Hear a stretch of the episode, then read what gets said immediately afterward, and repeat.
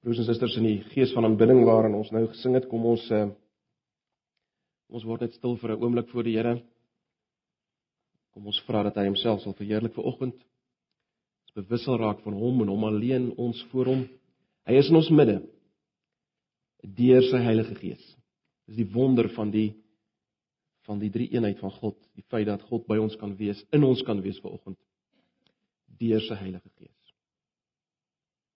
Kom ons bid net saam.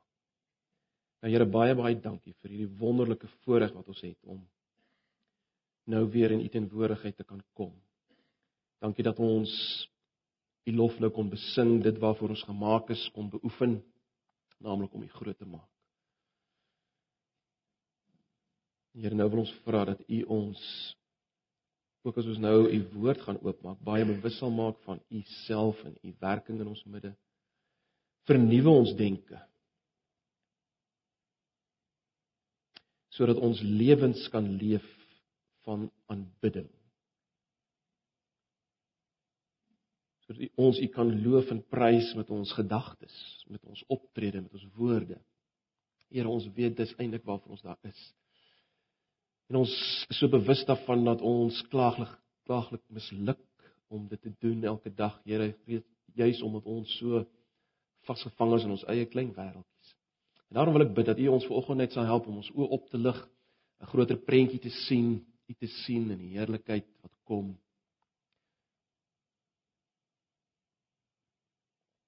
sodat ons U kan aanbid.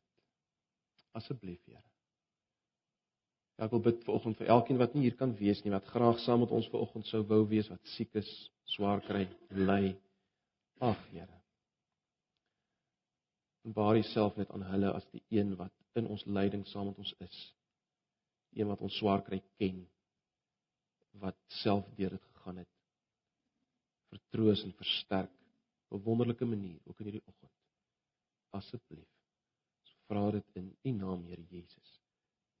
Die naam bo alle name. Maar sonder niemand gered word nie. Jesus ons Here. Amen. Broers en susters, soos julle sal weet, ons is besig met die boek Efesiërs.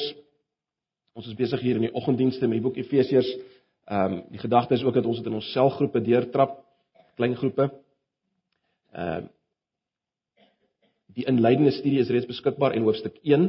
En volgende week sal ek hoofstuk 2 uh 'n studie uitgee met vrae vir die groepe.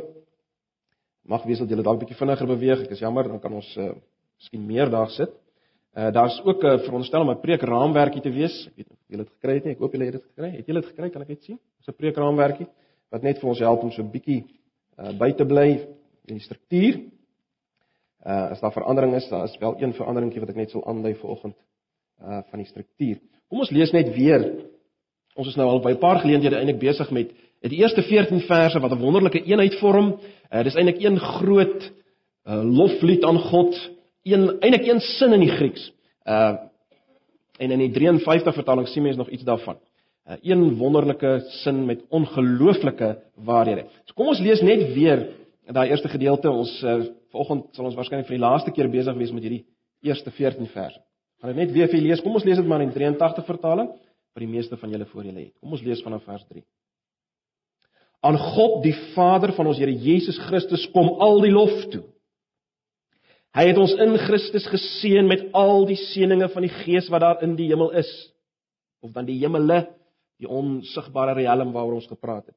So het hy nog voordat die wêreld geskep is ons in Christus uitverkies om heilig en onberispelik voor hom te wees. In sy liefde het hy ons volgens sy genadige beskikking toe ook al daarvoor bestem om deur Jesus Christus sy kinders te wees, of dan letterlik om aangeneem te word as kinders, is die letterlike vertaling.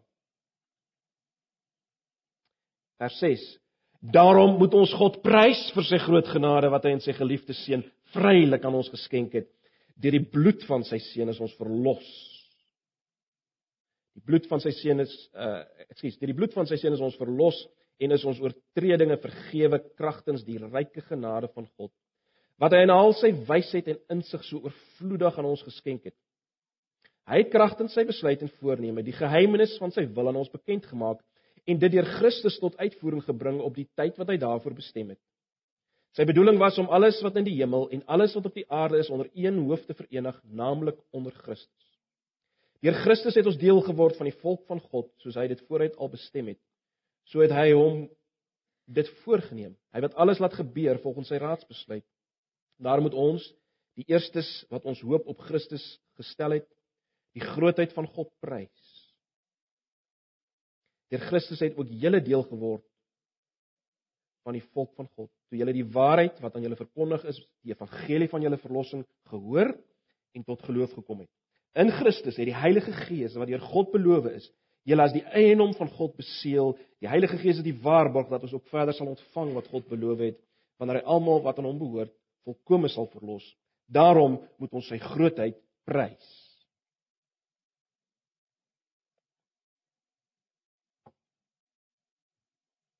Uh broers en susters, ek wil hê ons moet vanoggend kyk uh 'n bietjie besin, kyk na die groot vraag uh wat mense deur al die eeue besig gehou het, waarmee mense geworstel het, veral uh filosowe en wetenskaplikes uh het deur die eeue en vandag nog geworstel met die vraag: Is daar enige uiteindelike doel in die heelal?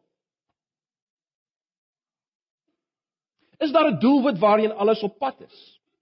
'n Uiteindelike doelwit waarheen die geskiedenis beweeg. Maak historiese gebeure enige sin? Maak historiese gebeure enige sin? En die geskiedenis van menslike gebeure, nê, nee, met sy opeenhoping van tragedie en triomf, vrees en vreugde. Is dit op pad na iets? Beweeg dit na enige doel toe? Of is die lewe soos uh, Shakespeare se Hamlet dit stel, a tale told by an idiot, full of sound and fury, signifying nothing? Is dit die lewe?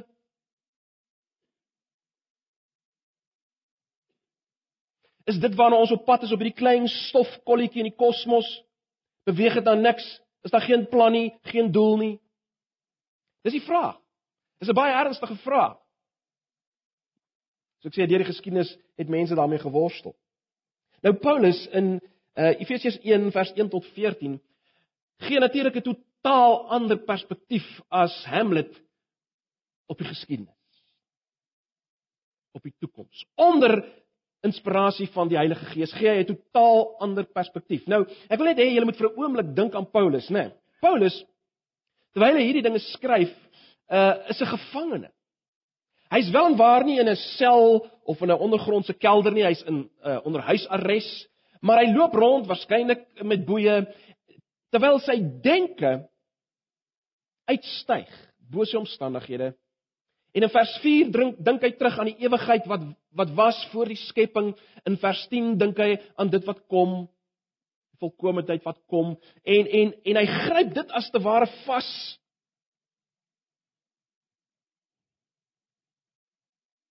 En hy sien daarin die die betekenis wat dit het, het vir ons nou wat ons behoort te wees in die lig van hierdie ewige waarhede.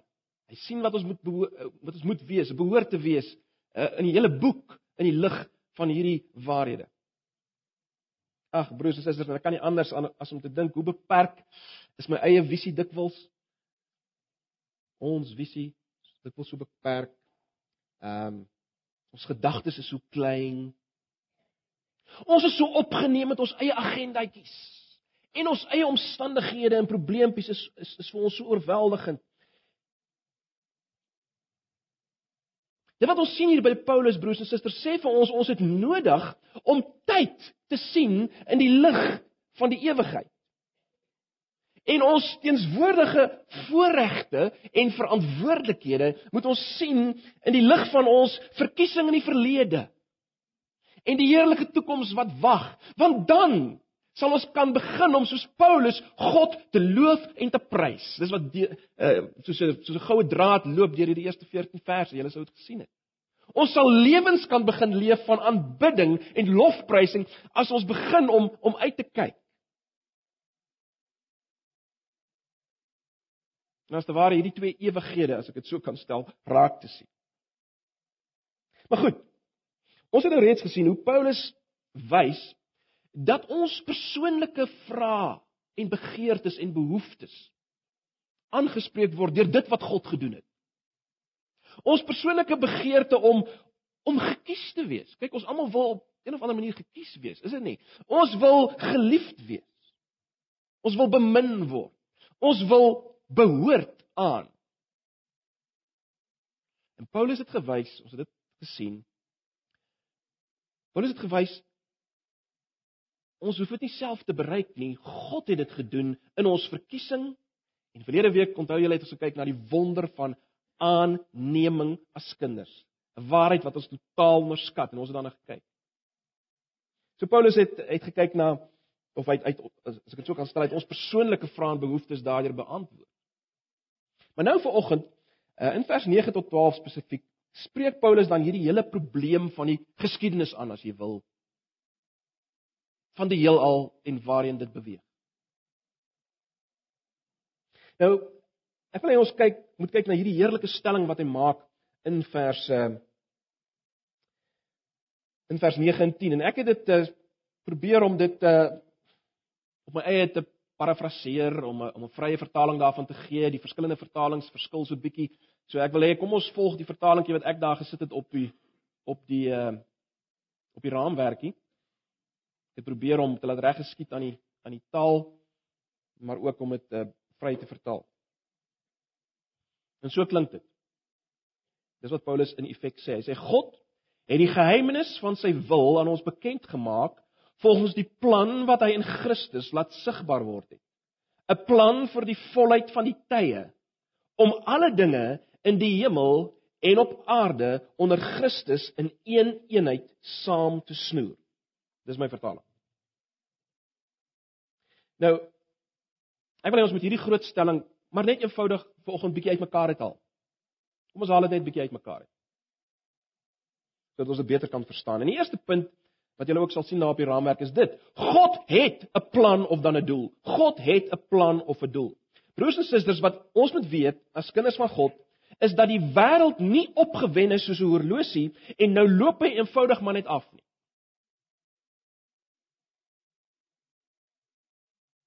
Nee. God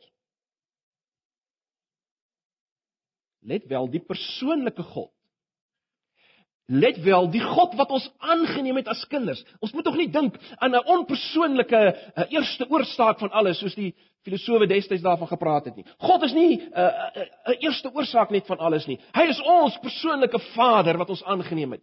Hierdie God sit agter alles. En hy het 'n plan, hy het 'n doel. Hy het niemand net die geskiedenis opgewen en nou loop dit af nie. Hy het 'n plan en hy het 'n doel. Hy's nie maar soos die gode van die Grieke wat doelloos in die kosmos rondbeweeg nie. Ek gaan net vir julle twee uitsprake in die Ou Testament lees wat wat dit so duidelik na vore laat kom. Luister net na Jesaja 46 vers 9 en 10. Jesaja 46 vers 9 en 10.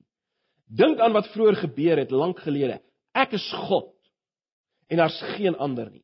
Ek is God, daar is niemand soos ek nie. Ek kondig van tevore aan wat later sal kom, lank tevore al wat nog nie gebeur het nie. Ek sê wat ek besluit het en dit gebeur. Wat ek wil doen, doen ek. En dan ook net Daniël 4 vers 35 en 36.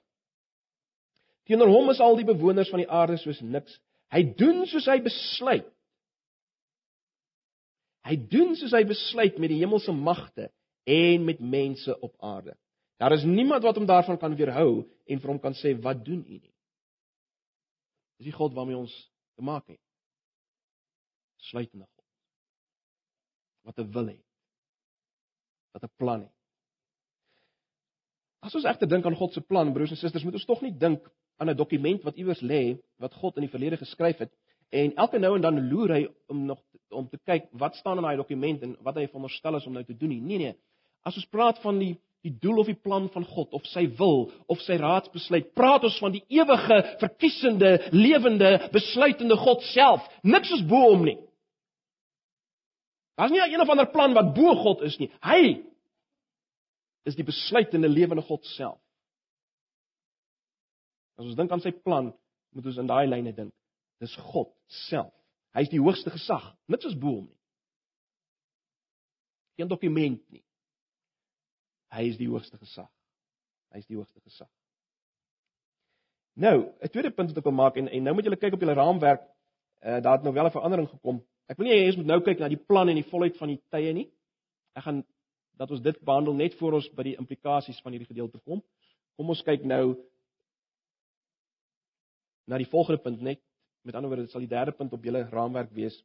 Hierdie plan is 'n geheimenis wat sy wil is en is bekend gemaak. So dis ons groot tweede punt waarna jy moet kyk. So God het 'n plan en 'n doel. Tweedens, hierdie plan is 'n geheimenis wat sy wil is en dit is bekend gemaak.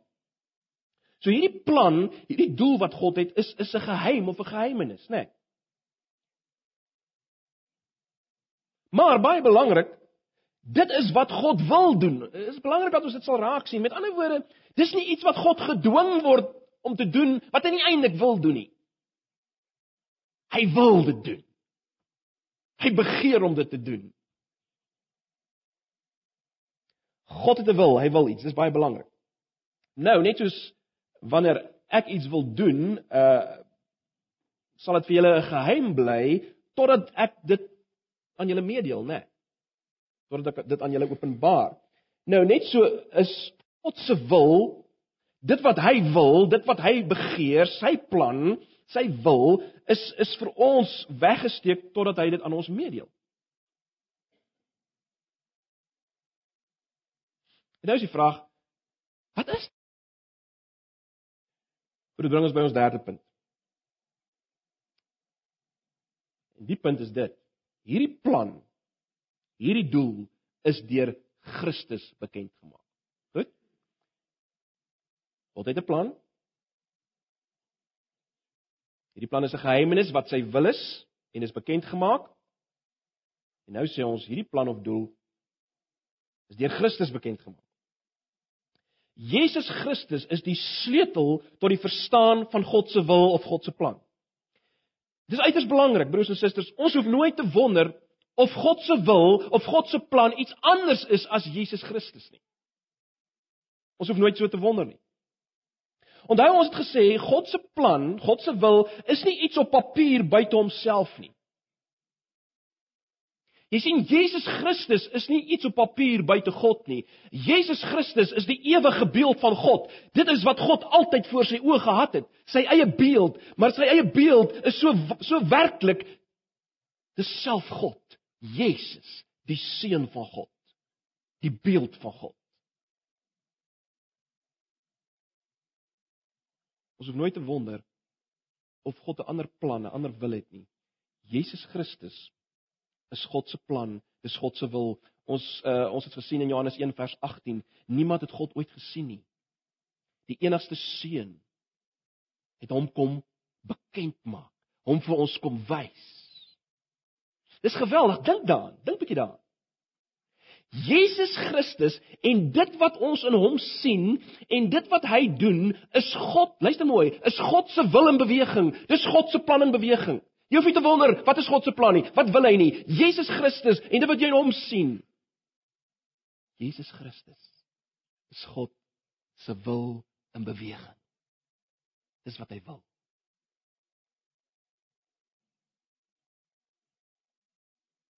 Dis God se wil in die in die sigbare wêreld. Ons kon dit nooit sien nie. Ons sou dit nooit geweet het nie.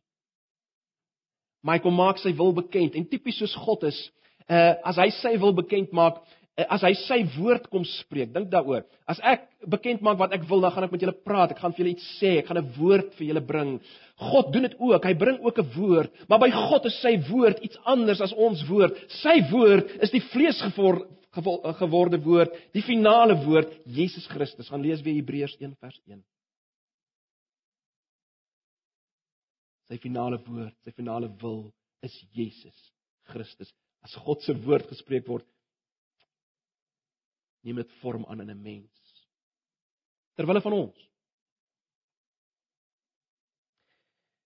So, in Jesus Christus sien ons God se wil in beweging, maar nou moet ons onsself afvra, maar goed, wat sien ons presies? Wat sien ons as ons kyk na na Jesus? Wel, dink bietjie terug. Wat sien ons? As Jesus verskyn, wat sien ons? Ons sien hy roep mense. Hy roep die 12 bymekaar en onmiddellik kom daar 'n groep mense rondom hom bymekaar. Eers die 12 wat saam met hom stap en later al meer en meer. Daar stap hy en hulle stap saam met hom. Dis wat ons sien as ons kyk na Jesus toe hy verskyn het. Maar wat sien ons nog? Ons sien Jesus dryf demone uit. En dan roep hulle uit: "Wat het ons met u te doen, seun van God?"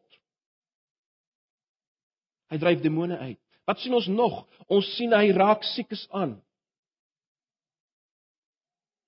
En dryf as te ware as jy dit sou kan noem, die siekte uit. Hy bring genesing. Wat sien ons nog? Wel, by geleentheid sien ons dat Jesus die wind en die see bestraf en dit bedaar. So wat sien ons? Ons sien dat die hele skepping mense, magte, siekte, kragte, wat jy dit ook al wil noem, wat sien ons? Ons sien dit buig voor Jesus as koning. Dit begin buig voor Jesus se koningskap. Maar ons sien nog iets wat uh ons dikwels so van selfsprekend neem, maar dit was nie so van selfsprekend toe Jesus gekom het nie. Ons sien dat die wat deur Jesus aangeraak word, die wat voor hom buig, is nie beperk net tot die Joodse volk nie. En, en onthou dit was vreemd.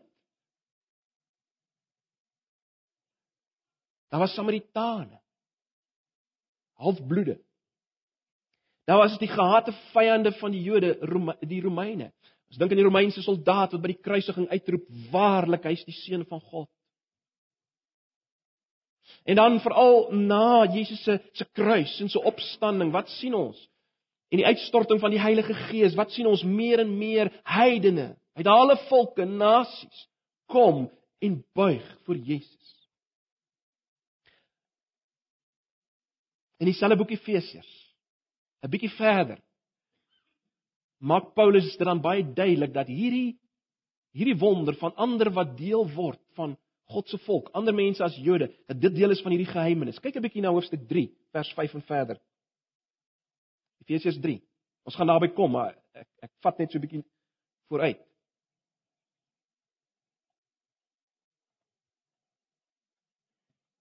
Luister na die woorde wat hy gebruik. Nog nooit tevore in die geskiedenis is die geheimenis aan die mensdom bekend gemaak soos God dit nou deur die Gees aan sy heilige apostels en profete geopenbaar het nie. En dit is die geheimenis. Deur die verkondiging van die evangelie en in hulle verbondenheid met Christus Jesus word ook mense wat nie Jode is nie, saam met ons deel van die volk van God en lede van die liggaam van Christus. En kry hulle ook saam met ons deel aan wat God beloof het. sien daar. So dit bring ons by ons vierde punt. Hierdie plan, hierdie doel van God is om alle dinge in die hemel en op aarde onder een hoof te verenig, naamlik Christus. Hierdie plan, hierdie doel is om alle dinge in die hemel en op die aarde onder een hoof te verenig, naamlik Christus.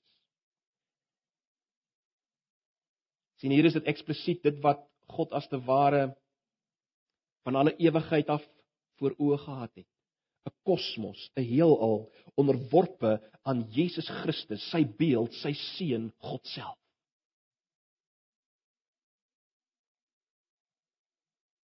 Dis waarin God op pad is in elke mens en ding en dag, elke minuut, elke sekonde, alle dinge in die wêreldgeskiedenis, alles is ingeskakel by hierdie plan, al kan ons dit nie sien nie.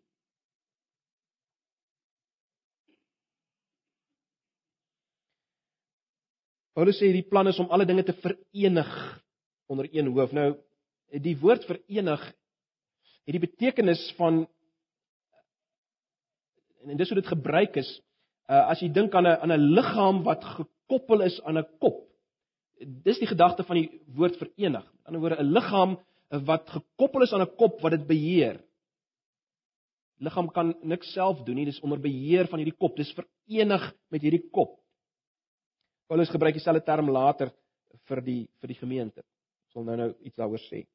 Met ander woorde, hierdie uitdrukking dat alle dinge onder een hoof verenig sal word, hierdie uitdrukking impliseer die totale harmonie van die heelal. Daar sal geen vreemde en geen onenige elemente meer wees nie. Alles sal hulle fokus en hulle binding vind in Christus. Alles sal hulle fokus en hulle binding vind in Christus. En Paulus verduidelik hierdie al hierdie dinge deur by te voeg in die hemel en op aarde. Nou, ek dink al wat Paulus daarmee wil sê, dis omvattend. Eh, met ander woorde is amper tipe van 'n beeldspraak. Dis omvattend. Dit dui op omvattendheid. Met ander woorde, Paulus praat van die herstel van die heelal. Die heelal wat bestaan uit engele, engele en owerhede en magte en mense en diere en plante en organismes, alles wil verenig word onder een hoof Christus. En wie alles trouens nou al in stand hou, sê Kolossense 1. Alles onder Christus verenig. Paulus skryf ook elders van hierdie waarheid. Luister na Kolossense, Kolossense 1 vers 19 tot 20. Luister wat sê Paulus. God het besluit om met sy volle wese in hom, dis Jesus Christus te woon en om deur hom, dis Jesus Christus, alles met homself te versoen. Deur die bloed van sy seun aan die kruis het hy die vrede herstel. Deur hom het hy alles op die aarde en in die hemel met homself versoen verlede tyd. En dan in Romeine 8 vers 18 tot 23 lees ons sê Paulus Ek is daarvan oortuig dat die lyding wat ons nou moet verduur nie opweeg teen die heerlikheid wat God vir ons in die toekoms sal laat aanbreek nie. Die skepping. Daar kom die skepping in. Die skepping sien met gespanne verwagting daarna uit dat God bekend sal maak wie sy kinders is. Die skepping is immers nog aan verydeling onderworpe, nie uit eie keuse nie, maar omdat God dit daaraan onderwerp het. Daarby het hy die belofte van hoop gegee. Die skepping vers 21 sal self ook bevry word van sy verslawing aan die verganklikheid om so tot die vryheid te kom van die heerlikheid waaraan die kinders van God deel sal hê. Ons weet dat die hele skepping tot nou toe sug in die pyne van verwagting. En dan sê hy in vers 23: En nie net die skepping nie, maar ook ons wat die Gees ontvang het as eerste gawe van God, ons sug ook. Ons sien daarna uit dat God bekend sal maak dat hy ons as sy kinders aangeneem het. Hy sal ons van die verganklikheid bevry. Dis waarvan Paulus praat. Dis waarvan van dis waarvan Paulus praat. Nou, ehm uh, Miskien wonder jy op hierdie stadium maar tjoh, uh, gaan alles en almal dan gered word? Nee, dit sou 'n stryd wees met die res van die Nuwe Testament, maar wat gaan gebeur is dit waarvan Filippense 2 vers 9 tot 11 skryf. Miskien kan jy hulle blaai na Filippense 2. Filippense 2. Ek dink julle ken almal daai gedeelte baie goed.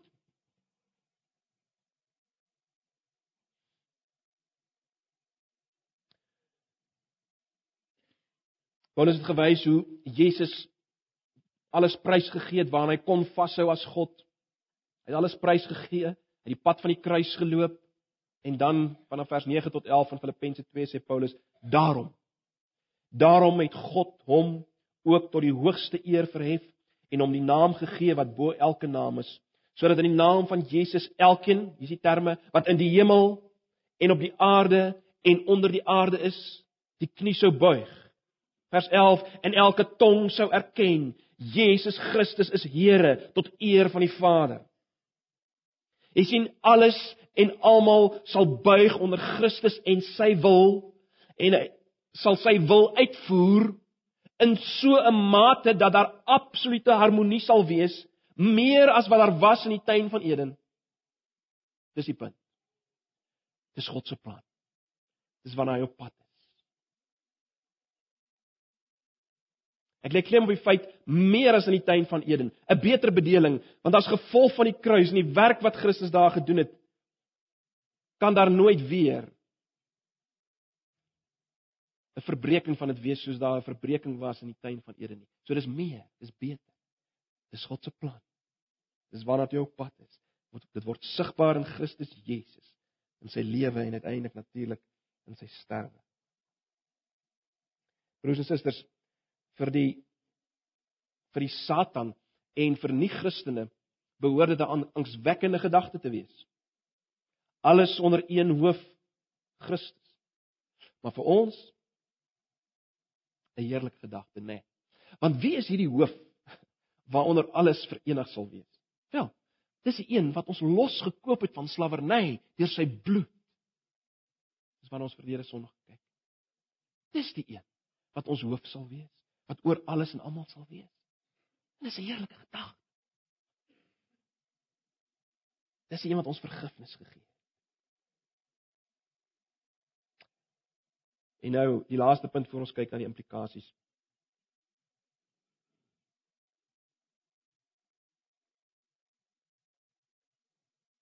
Die plan van God en die volheid van die tye. Jy sal sien die 53 vertaling gebruik die term die volheid van die tye en dis letterlik wat daar staan. Eh, die 83 vertaling praat van 'n bepaalde tyd. 'n Tyd wat God bepaal het. Die vraag wat ons moet afvra is wanneer gaan wanneer gaan hierdie uiteindelike eenheid wees? Kan ons kan ons dit aflei? Eh, kan ons iets sien dat dit gaan gebeur uit dit wat ons rondom ons sien?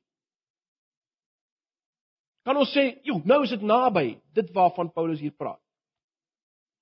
My antwoord moet my antwoord is ons moet versigtig wees om om om uit uit die sigbare dinge af te lei dat dit nou naby is of dit nou of dat dit nou gaan gebeur. Maar dit gesê, die feit dat die dat Paulus hierdie term gebruik in die volheid van die tye sê vir ons dit gaan gebeur. Dinge gaan nie maar net vir altyd aangaan nie. Hierdie plan, hierdie doel gaan tot uitvoering gebring word. So seker as wat Jesus Christus histories gekom het, gebore is as 'n baba in die geskiedenis, so seker gaan hy weer kom en gaan hierdie tydperk aanbreek van alles verenig onder een hoof, Jesus Christus. Dit moet ons vat. Baie interessant, hierdie selfde term volheid van die tye word in Galasiërs 4 vers 4 gebruik. Net een verskil in Galasiërs 4 vers 4 sê Paulus in die volheid van die tyd het Jesus Christus gekom, gebore uit 'n vrou, gebore onder die wet, om die wat onder die wet is los te koop. In die volheid van die tyd. Baie ouens sê wel, jy sien, daai uitdrukking in die volheid van die tyd beteken alles was net mooi reg gewees. Uh een taal is gepraat oor die hele wêreld. Uh as gevolg van die uh Romeinse wêreldoorheersing was die uh baie stelsel goed ensovoorts ensovoorts ensovoorts. Maar as mens kyk na die konteks van Galasiërs 4 self, dan is daar niks daarvan sprake nie. Eindelik wat Galasiërs 4 vir ons sê is dit: Jesus het die volheid van die tyd teweeggebring. Hy het die einde van een tydperk laat aanbreek, dit volgemaak en 'n volgende tydperk laat aanbreek. Die tyd die wetsbedeling tyd, ja, die tyd van die onder van lewe onder die wet van Moses wat Paulus beskryf as 'n tydperk van slawerny, dit het tot 'n einde gekom. Nou kan ons kinders van God wees en roep Abba Vader. Daai tydperk het aangebreek met die koms van Jesus Christus. En dis dieselfde. Uiteindelik gaan Jesus weer kom en nou nie net die volheid van die tyd nie, maar die volheid van die tye laat aanbreek. Die ou bedeling. Die ou bedeling van onenigheid. Van elkeen wat doen wat hy wil. stryd, worsteling. Verskillende leiers wat maak wat hulle wil. Daardie tyd gaan tot 'n einde kom. En 'n nuwe tyd gaan aanbreek. In ander woorde, om dit so te stel, die term wat Paulus hier gebruik, mens kan amper sê uit God se perspektief is tydperke soos soos emmers. Ek gebruik maar 'n beeld. Tydperke is soos emmers. En daar's klomp gebeure wat soos water in daai emmers gegooi moet word. Maar daar's 'n punt wat hierdie emmer vol word. En waar 'n laaste gebeure hierdie emmer volmaak. Die volheid van die tyd. En dan kom daar 'n nuwe fase in die geskiedenis. En nou sê Paulus: Wanneer gaan hierdie eenheid plaasvind onder Christus die hoof? In die volheid van die tye. Daar gaan nie nog 'n tydperk wees nie. Dis die laaste. Hy gaan weer kom en dan gaan die emmer van die geskiedenis vol wees. Die tye gaan vol wees. En 'n nuwe tydperk gaan aanbreek. Tydperk van harmonie en eenheid onder een hoof, Christus Jesus.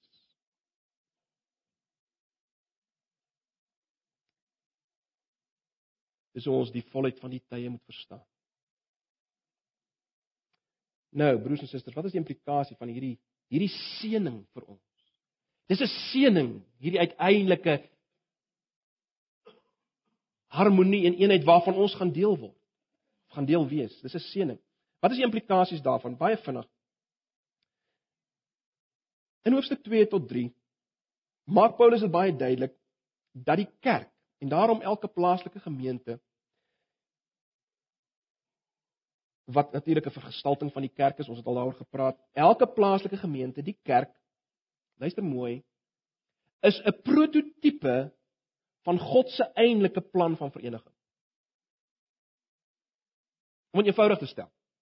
As jy kyk na plaaslike gemeente en die kerk universeel as jy wil, sien jy iets van God se plan om alles te laat een word onder Christus Jesus. Dis wat Paulus argumenteer in die res van hoofstuk 2 tot 3. Jy sien, dit wat hy aan die begin gesê het, brei hy uit in die res van die boek. En dis die punt.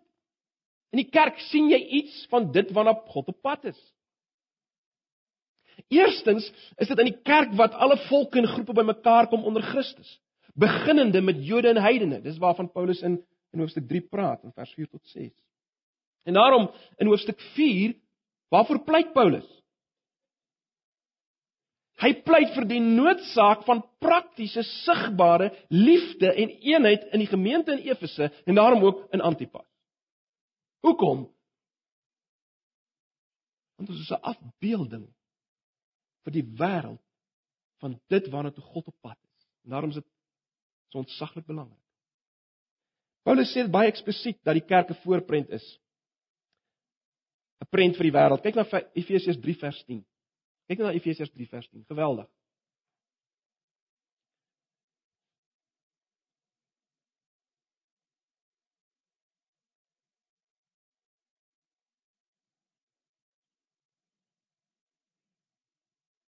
Hy sê maar nou het God die ryke verskeidenheid van sy wysheid deur die kerk bekend laat word in elke mag en gesag in die hemelruim soos hy hom van ewigheid af hier is dit weer voorgenem het om dit deur Christus Jesus ons Here tot uitvoering te bring. As die owerhede en die magte kyk na die kerk, dan sien hulle God se wysheid. Die wysheid van sy plan om alles te verenig onder een hoof. En daarom broers en susters, oneenigheid in 'n gemeente, in die kerk van Jesus Christus, stryery, bakleierery, Dis geen ligte saak vir God nie. Daarom sien ons gaan ons sien in hoofstuk 4 dat dit die Gees bedroef. Die Heilige Gees bedroef wat ons bewaar vir hierdie dag van eenheid. En hy is hier om juis ons te help om aan die wêreld te wys waarna toe God op pad is met alles. Ons is 'n klein afbeelding daarvan. Daarom is dit geen ligte saak nie. Mag ons dit altyd onthou voor ons eers daaraan dink om in oneenigheid met my broer en my suster te raak te kom. Dink waarmee jy besig is. Want ons moet 'n afbeelding wees aan die wêreld van dit waarna toe God op pad is. As ons kom na ons as individue, baie interessant, dis wat Paulus wys in dieselfde boek Efesiërs. Hy wys hierdie hierdie eenheid wat in die gemeente is moet ook in eerste plek in die huwelik en die gesin wees. Dis waaroor hy praat in hoofstuk 5 en en in hoofstuk 6. Huwelik hoofstuk 5, kinders ouers hoofstuk 6. En dan hoe jy leef by die werk ook in hoofstuk 6. Jy sien hierdie waarhede van dit wat uiteindelik gaan gebeur, het 'n impak op ons nou lewe. Ek wil nou nie vanoggend uitbrei oor oor ons verhouding met die omgewing en die natuur. Mens kon daaroor ook waarskynlik gepraat het. Maar ek wil afsluit. Ons gaan vanoggend die nagmaal vier. Nou broers en susters. In hierdie konteks sê die nagmaal vir ons twee dinge. In die eerste plek die nagmaal wat ons hier vier is is 'n afbeelding van die harmonie en eenheid met mekaar en met God waarna toe ons beweeg. Nee. As ons hier saam die brood gaan breek, wyn gaan drink, dis wanneer ons op pad is. En tot in alle ewigheid gaan dit die werklikheid wees. Tafelgemeenskap met mekaar en met God onder een hoof, Christus Jesus. Maar die nagmaal herinner ons vanoggend aan hoe dit gebeur het dat ons deel kan word van hierdie eenheid. Sy bloed het gevloei, hy's verbrysel in ons plek. Hy het gehandel met ons sondeprobleem. Dit hy sy lewe gegee het. Ons het verlede Sondag daaroor gepraat. Dis die enigste manier ons kan deel word van hierdie wonderlike eenheid deur wat hy gedoen het. Die nagmaal moet ons aan nog iets herinner, na mes ek klaar. Die pad wat God gestap het na hierdie eenheid was 'n pad van lyding. Die lyding van Christus Jesus. Dit het gelyk asof God hom verlaat het. Maar deur hierdie pad het God hierdie eenheid bewerk. Wat uiteindelik totaal gaan sigbaar word.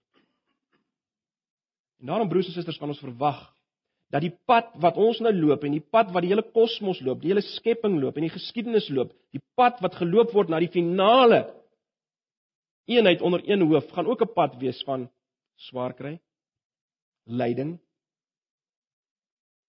En dit gaan ook lyk soms asof God ons verlaat het. Maar God se plan staan vas en sy wil staan vas. En as ons twyfel daaraan, kyk na Jesus. Kyk na Jesus. En dan sien ons, waar hy nou? En weet ons is op pad om hom te wees. Gaan dit deur swaarkry, gaan dit deur lyding. En uiteindelik sal alles verenig. Ja, ook die wat reeds gesterf het saam met ons. Alles. Die hemel en op aarde onder een hoof, Christus Jesus. Kom ons gebruik die nagmaal en ons dink aan hierdie dinge. En ons beoefen iets van hierdie eenheid wat kom voor. Kom ons bid saam en dan gaan ek vra dat hierdie haks net vir my die tafel sal regmaak. Here baie dankie vir u woord en vir die wonderlike waarhede vanoggend. Ons eer u daarvoor. Here maak ons nou intens bewus van u teenwoordigheid by ons as ons hierdie tekens gebruik.